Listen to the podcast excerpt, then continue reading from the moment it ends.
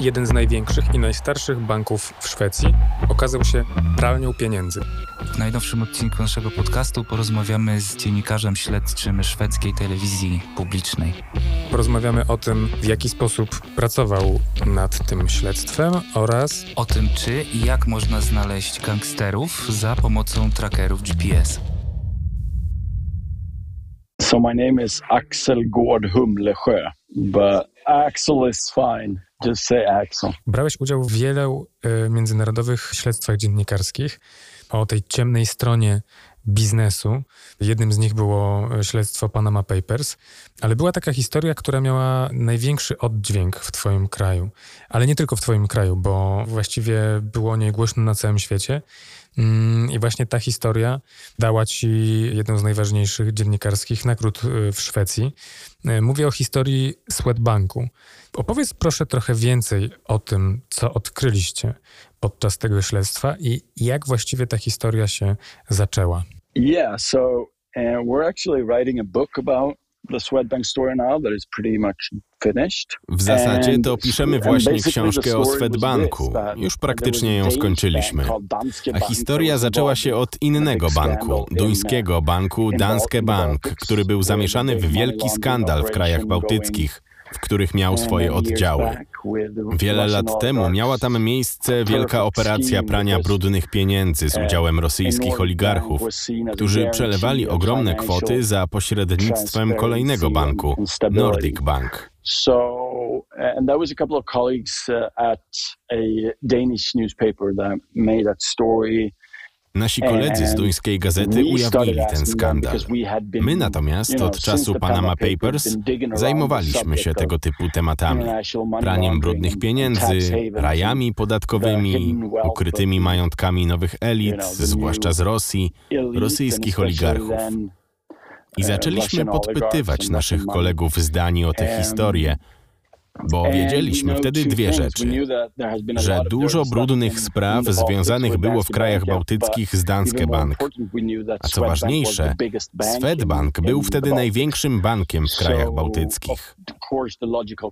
Logicznym pytaniem było, czy to samo, co działo się w Danske Banku, Działo się też w Swedbanku. I jak Swedbank reagował na zjawisko wielkich przepływów rosyjskich pieniędzy w regionie?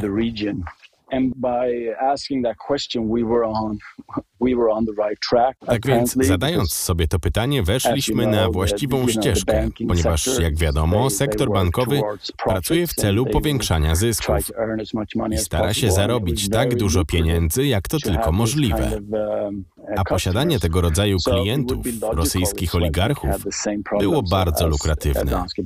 Byłoby więc logiczne, gdyby Swedbank miał te same problemy co Danske Bank. Zaczęliśmy pytać o Swedbank w rozmowach z naszymi źródłami i dowiedzieliśmy się, że w rzeczywistości Swedbank miał jeszcze większe problemy niż Danske Bank i obsługiwał jeszcze większe transakcje niż Danske Bank.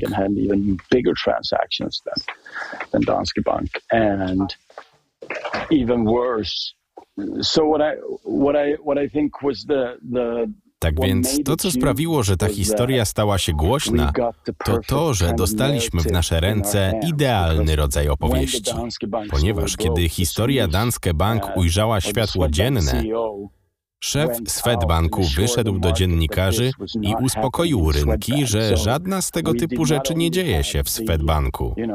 Więc nie dość, że mieliśmy do czynienia z faktycznym praniem brudnych pieniędzy, to mieliśmy też wielkie kłamstwo.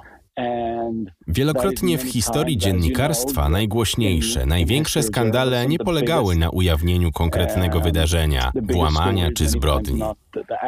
Największym skandalem były kłamstwa, które otaczały jakieś zjawisko, tak jak w przypadku Watergate. Tak więc, mając na talerzu taki kąsek, wiedzieliśmy, że nasza historia będzie naprawdę głośna when we had that on the table, we knew that it was going to be a big, big story. Jest też aspekt zdobywania dokumentów z anonimowego źródła. Właśnie w jednym ze swoich śledztw odbierasz paczkę z danymi i zaczynacie analizować ten materiał. Czy mógłbyś powiedzieć więcej o tym, jakie są generalnie początki, zalążki Twoich tematów? Skąd się biorą? Zakładam, że nie zawsze jest to paczka odebrana z paczkomatu mm, albo przeciek, który do Was przychodzi mailem.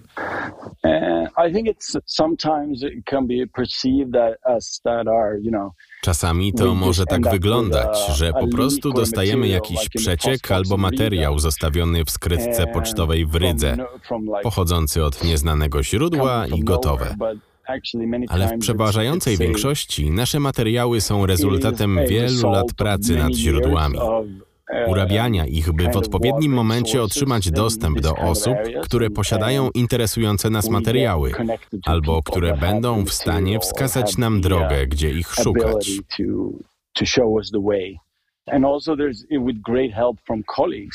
Ponadto bardzo przydaje się korzystanie z pomocy dziennikarzy z całego świata, bo być może ktoś zna kogoś, kto opowie o mechanizmach prania brudnych pieniędzy w Ukrainie, a ktoś inny zapyta o podobne rzeczy dziejące się w Szwecji, bo mamy ślady prowadzące do Szwecji właśnie.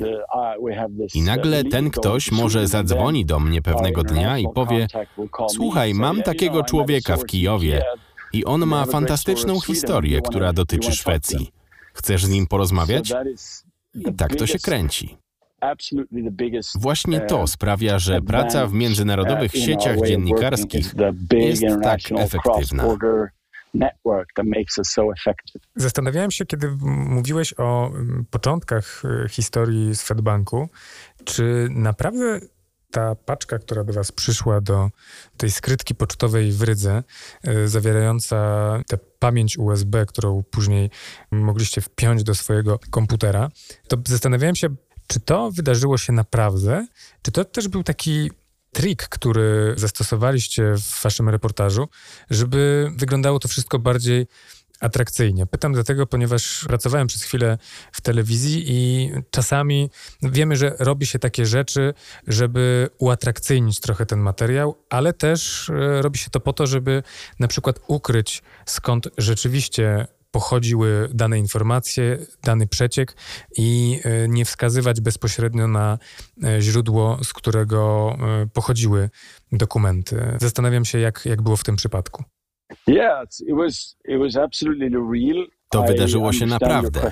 Rozumiem Twoje pytanie, bo rzeczywiście czasami musimy odtworzyć albo nieco ubarwić sposób, w jaki opowiadamy o spotkaniach z tajnymi źródłami. Uh, Ale w tym przypadku to wydarzyło się naprawdę.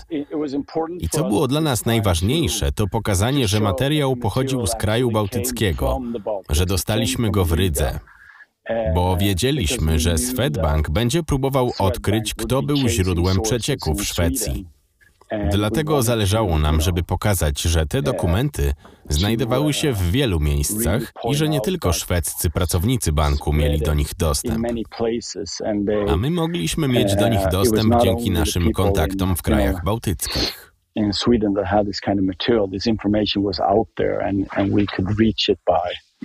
By contacts in the Baltics. Chciałbym zapytać Cię o różnicę między e, podejściem do pracy dziennikarza śledczego. Rozmawialiśmy e, z innymi dziennikarzami i niektórzy z nich mówią, że główną rzeczą, głównym ich celem jest po prostu opowiedzenie prawdy, e, opowiedzenie historii. Ale jest też część dziennikarzy, którzy mówią, że po prostu chcą zmieniać świat, chcą, żeby kawałek świata dzięki ich tekstom się zmienił. Chcą mieć e, wpływ na rzeczywistość, na politykę, na świat biznesu. Jak ty podchodzisz do tego tematu? To bardzo ciekawe pytanie. Dziennikarstwo to moim zdaniem świat łączący dwa żywioły. Pierwszy to oczywiście czynienie dobra, drugi to przygoda. Szczególnie świat dziennikarstwa śledczego ma w sobie te dwa światy, bo dzięki swoim publikacjom możesz poruszać ludzi, wpływać na społeczeństwa, świat biznesu. Staram się, żeby obydwa te światy były równorzędne, bo mówienie o zmienianiu świata i czynieniu dobra może zabrzmieć jednak trochę zbyt idealistycznie. A równie ważne jest to, że ta praca jest fascynująca i porywająca, zwłaszcza praca w telewizji. To jak bycie producentem hollywoodzkich filmów i detektywem w tym samym czasie. I to jest świetne połączenie, które czyni nasz zawód tak interesującym. uh. Obejrzeliśmy Twoje najbardziej znane śledztwo, e, właściwie film dokumentalny o Swedbanku. To, co jest ciekawe, to to, że w tym filmie czuć emocje, ten dreszczyk emocji. Jest w tym coś ekscytującego w docieraniu do ludzi, w śledzeniu tych ludzi, śledzeniu gangsterów gdzieś na Litwie. Ale pytanie, czy jest też coś ekscytującego dla ciebie w przeglądaniu wielu stron dokumentów, próbach uzyskania dostępu do akt sądowych, wiesz, w tej codziennej pracy dziennikarza. Czy postrzegasz to także jako ekscytujące? Jako element y, przygody dziennikarza śledczego.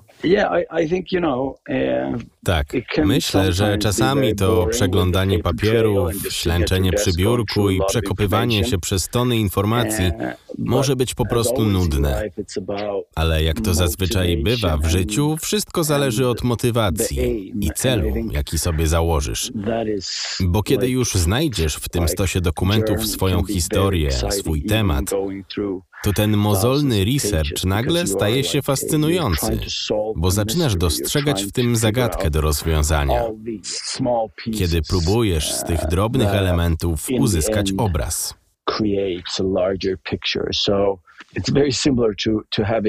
To trochę jak z dziećmi.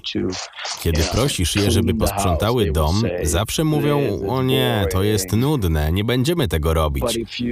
Ale jeśli znajdziesz w tym jakiś cel, motywację, jakieś znaczenie, wszystko może stać się nagle o wiele ciekawsze. Uważam, że najlepszą rzeczą w dziennikarstwie śledczym jest to, że bardzo często masz poczucie, że robisz coś ważnego, coś istotnego, coś wielkiego. I wtedy nawet nudne czynności stają się ciekawsze or even boring uh, stuff becomes enjoyable. And I think part of that is because Dzieje się tak między innymi dlatego, że widzimy, że to co robimy ma duży wpływ na rzeczywistość. Uh, I uważam, że to co robię byłoby o wiele, wiele bardziej nudne, mniej zajmujące, gdybyśmy publikowali i nikogo by to nie obchodziło. To byłoby bez sensu. Zadawałbym sobie pytania, po co ja właściwie to robię? Natomiast kiedy widzę, że moją pracą mogę przesuwać góry, potężne instytucje, globalne korporacje, dostajesz tego kopa do działania. You need to make it interesting.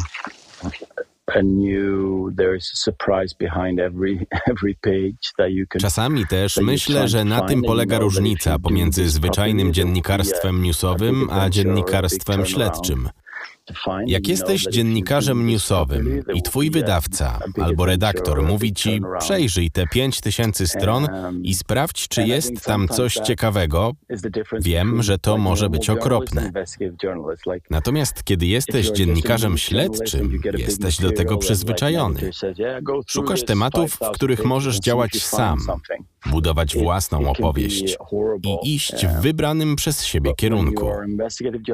Wtedy możesz poświęcić się tematowi niemal na zawsze.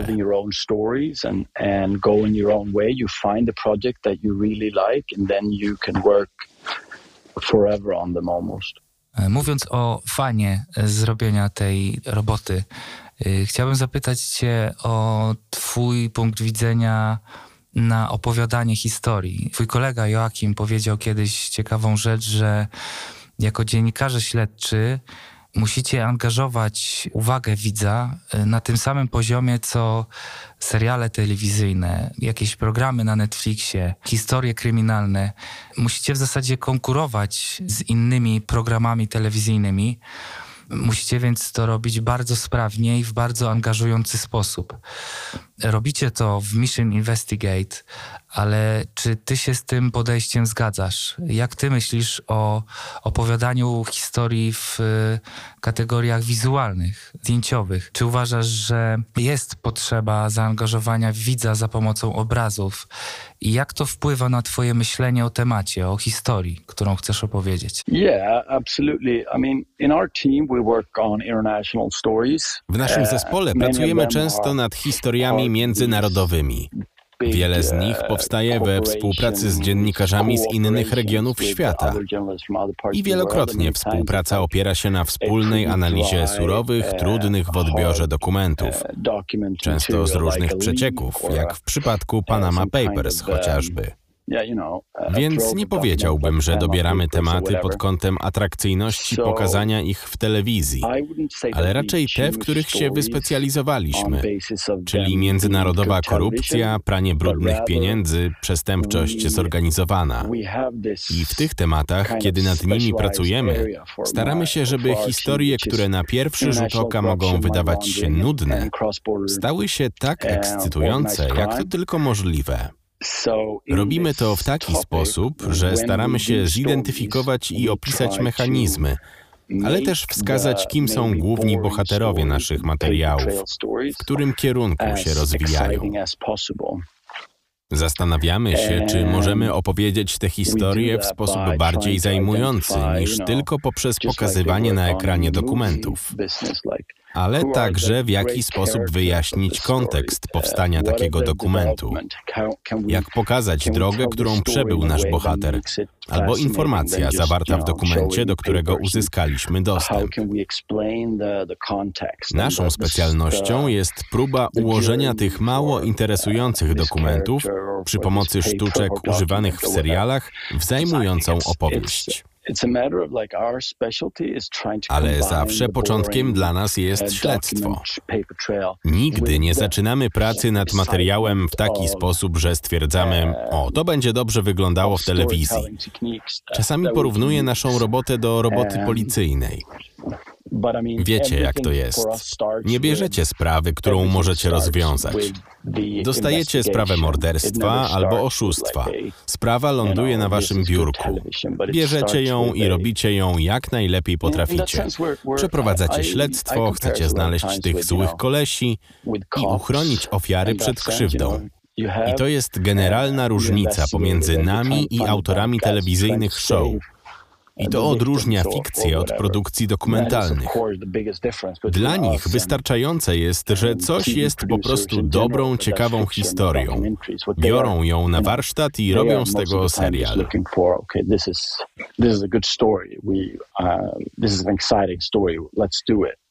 A propos tej drogi, którą dziennikarz musi e, przebyć, e, żeby znaleźć historię, tej drogi od zdobycia materiału do opowiedzenia e, historii.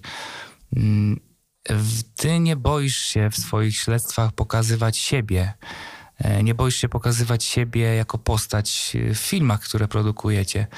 No ale jest minus tej sytuacji, bo czasami musisz radzić sobie z po prostu złymi ludźmi, w zasadzie gangsterami. Pamiętam taką słynną scenę w, z jednego z Twoich e, materiałów o kradzieży używanych ubrań ze Szwecji i handlu nimi w krajach bałtyckich ta scena, w której tropisz gangsterów, e, odnajdujesz ich i rozmawiasz z nimi bardzo otwarcie.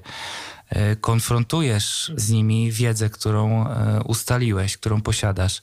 Jakie jest Twoje podejście do właśnie konfrontowania się z, ze złymi ludźmi i do radzenia sobie z niebezpieczeństwami tego rodzaju sytuacji? To zależy od tematu. Byłem zaskoczony, że podczas pracy nad tematem o nielegalnym handlu używanymi ubraniami ze Szwecji spotkałem się z osobami tak wściekłymi, grożącymi nam, że nas zabiją.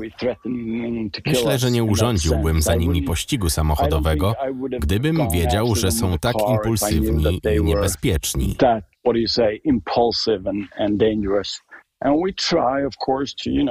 Staramy się mieć dobrą taktykę i analizować zachowanie osób, z którymi się konfrontujemy. Dużo rozmawiamy o bezpieczeństwie.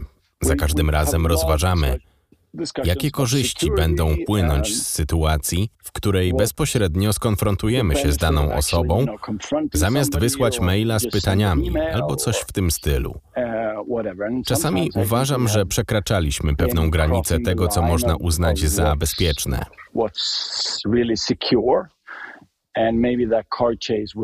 Ten pościg samochodowy, który sobie urządziliśmy, był dla nas nauczką, że nigdy nie będziesz w stanie przewidzieć, jak zareagują negatywni bohaterowie Twojego materiału w momencie konfrontacji.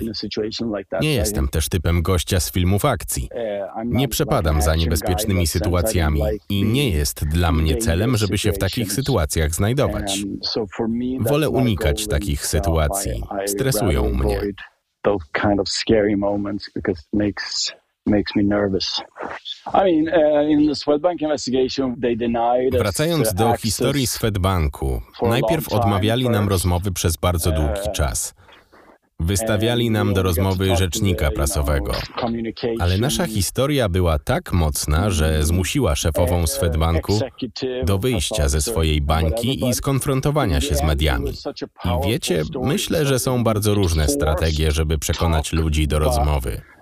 Uważam też, że coraz więcej firm zdaje sobie sprawę z tego, że zawsze można popełniać błędy i mieć różne problemy w obszarach, w których coś w firmie nie działało.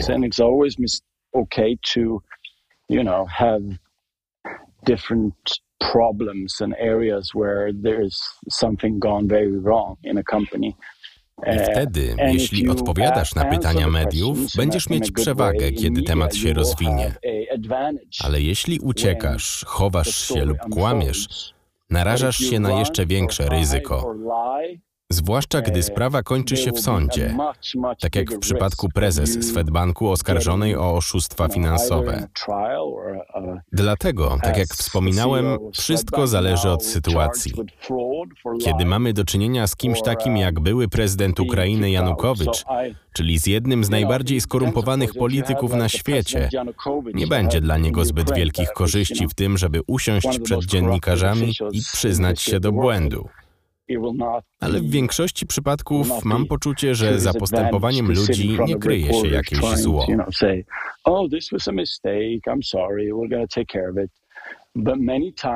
W wielu przypadkach po prostu ludzie zaliczają porażki, wstydzą się tego, że im nie wyszło i zaczynają kłamać i ukrywać, co poszło nie tak? I czy jest do tego jakieś logiczne wytłumaczenie. I bardzo często ta logika i motywacja są bardzo interesujące.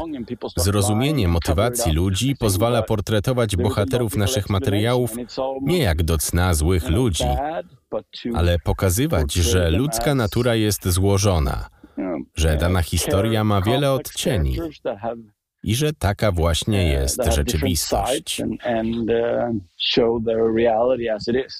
Chciałem podpytać trochę o Waszą metodologię, Wasze podejście do pracy z dokumentami e, bankowymi, tymi, które w przypadku historii Swedbanku otrzymaliście na pamięci przenośnej, którą znaleźliście w skrytce pocztowej w Rydze, bo jak pamiętam z waszego reportażu, wy bardziej tam działaliście jak, e, nie jak dziennikarze śledczy, a jak oficerowie finansowi, którzy zajmują się praniem brudnych pieniędzy.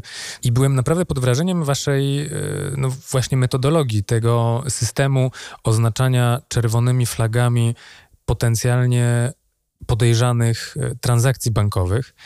Co w tym wszystkim było dla Was najtrudniejsze i czy ta metoda tych czerwonych flag to jest coś, co e, wymyśliliście sami, na co wpadliście sami, czy mm, pożyczyliście sobie to trochę od ekspertów z dziedziny e, bankowości i tropienia przestępstw finansowych? Rozmawialiśmy o tym bardzo długo w naszej redakcji, ponieważ to było dla nas dosyć duże wyzwanie ze względu na to, że spodziewaliśmy się, że Swedbank będzie chciał atakować nasze ustalenia, twierdząc, że nie wiemy, jak działa system bankowy, że jesteśmy tylko dziennikarzami, którzy stawiają populistyczną tezę. Musieliśmy więc wymyślić taki sposób opracowania materiału, który byłby niepodważalny dla banku, pokazując im, że mamy do czynienia z pięćdziesięcioma firmami podejrzanymi o pranie brudnych pieniędzy. Dlatego ponownie posłużyliśmy się historią Danske Banku jako pewnego modelu, jako wzorca do śledztwa. Bo Danske Bank, po tym jak w mediach w Danii ukazały się materiały na ich temat, wynajął kancelarię prawną, która przygotowała 200-stronicowy raport, używając w nim systemu tzw. Tak czerwonych flag, powszechnie używanego w bankowości. System of red flags that was very common in the bank world. Więc zdecydowaliśmy, że skopiujemy od nich tę metodologię i wykorzystamy. Więc w tym sensie nasze śledztwo było niejako audytem kont w Swedbanku, przeprowadzonym przez zewnętrzną firmę prawniczą. W ten sposób zapobiegliśmy sytuacji, w której często znajdują się dziennikarze. Kiedy to firma mówi, że czegoś nie rozumiemy, albo że wyciągamy niewłaściwe wnioski. A my nigdy nie spotkaliśmy się z taką reakcją ze strony banku, ponieważ zrobiliśmy dokładnie to, czego bank mógłby oczekiwać od zewnętrznej firmy audytorskiej, gdyby ją wynajęła. I to było chyba najistotniejsze również dla nich i spowodowało, że nie kwestionowali naszych ustaleń. And I think that was vital for them to not question our uh, conclusions.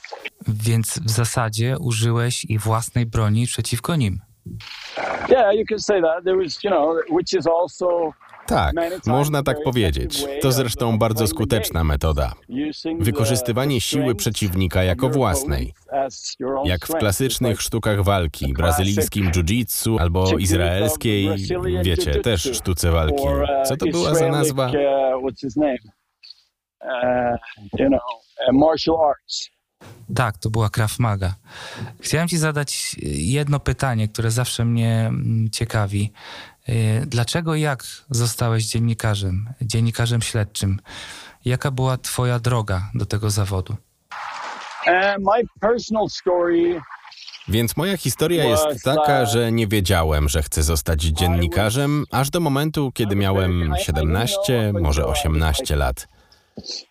To nie było żadne dziecięce marzenie ani nic z tych rzeczy. Zawsze bardziej interesowałem się naukami ścisłymi, komputerami. Ale wielkim wydarzeniem w moim życiu był wyjazd do Stanów, kiedy miałem 17 lat, na wymianę studencką do Colorado. Wiecie, co to za miejsce? Góry skaliste, bardzo konserwatywny region z wieloma bazami wojskowymi i więzieniami. I przyjechałem tam w bardzo szczególnym czasie w historii Stanów. To znaczy, kiedy do kraju wróciło ciało pierwszego amerykańskiego żołnierza, który zginął na wojnie w Iraku w 2003 roku. Byłem tam w trakcie inwazji, kiedy Amerykanie pozbawili Saddama Husajna władzy w Iraku i przejęli kontrolę nad krajem. Nie wiem, czy to pamiętacie, ale George Bush przekonywał w tamtym czasie, że Ameryka wygrała i teraz wszystko już będzie w porządku. Ale to właśnie dopiero wtedy wojna się zaczęła, a Irak zaczął się rozpadać. Ginęło wielu amerykańskich żołnierzy. Wtedy też rozgorzała dyskusja o powodach wejścia Amerykanów do Iraku, kiedy Colin Powell i George Bush kłamali publicznie, że musieli podjąć taką decyzję, bo Saddam Hussein dysponował bronią masowego rażenia. Wiele gazet, wiele mediów kupiło tę śpiewkę. New York Times publikował tego typu rewelacje. Coś mnie w tym poruszyło i jakoś wciągnęło do świata polityki, a stamtąd pociągnęło do dziennikarstwa. Więc kiedy wróciłem do Szwecji po roku, byłem bardzo zafascynowany tego typu dyskusjami, rozważaniami. Zacząłem coraz bardziej wchodzić w świat polityki, interesować się życiem społecznym, historią, ale bardzo szybko odkryłem, że jestem raczej typem outsidera jako dziennikarz niż insidera jako polityk. Więc jakoś w wieku 18-19 lat zdałem sobie sprawę, że dziennikarstwo to jest cudowny zawód, bo ma w sobie obietnicę przygody. Bycia policjantem, detektywem, ale też opowiadaczem. Nie wiem, czy znacie taką postać z belgijskiej kreskówki, Tintin. To postać dziennikarza podróżującego po całym świecie ze swoim psem u boku, który rozwiązuje zagadki kryminalne. Jest takim superbohaterem. W każdym razie wtedy zdałem sobie sprawę, że dziennikarstwo może być tym wspaniałym połączeniem różnych dziedzin.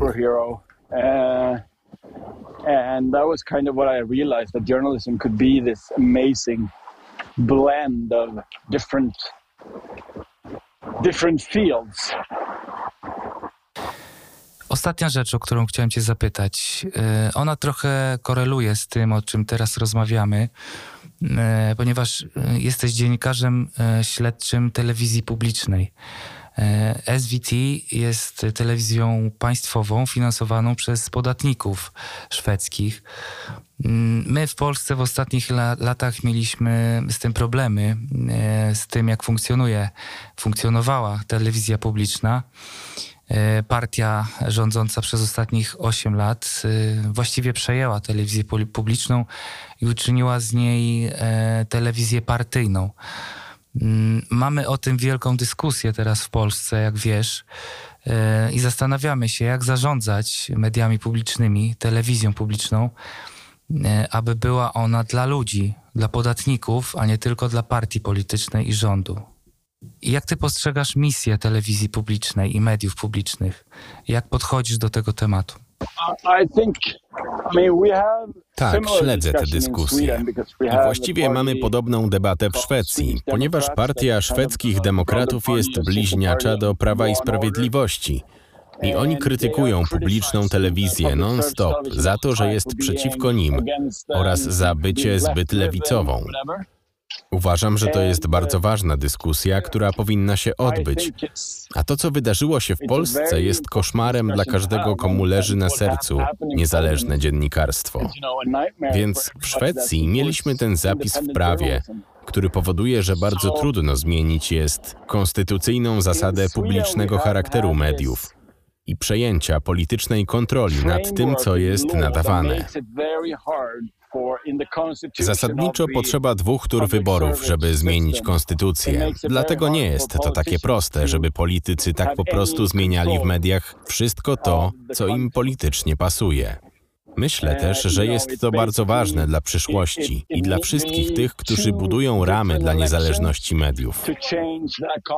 Ponieważ jeśli jako dziennikarz musisz być elastyczny w zależności od tego, kto jest aktualnie przy władzy, nawet jeśli nie będą wprost za ciebie decydować i wpływać na twoją pracę, to i tak, nie mając tej nadrzędnej niezależności, będziesz narażał na szwank swoją uczciwość.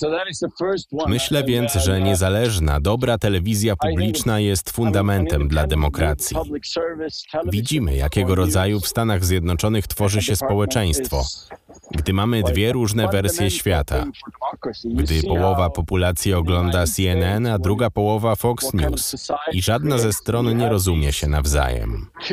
Dlatego bardzo ważne jest, aby mieć wspólne miejsce, coś w rodzaju wspólnego ogniska, przy którym wszyscy mogą się zebrać i znaleźć wspólną płaszczyznę i powiedzieć: OK, myślimy inaczej, ale przynajmniej zgadzamy się co do podstawowych faktów i patrzymy na nie w ten sam sposób. Więc tak, to jest ogromne wyzwanie dla, jak sądzę, dziennikarzy na całym świecie, zwłaszcza dziennikarzy pracujących w mediach publicznych.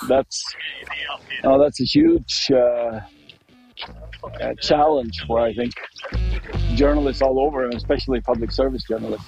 Axel, bardzo Ci dziękujemy. Dzięki za rozmowę. To był podcast frontstory.pl.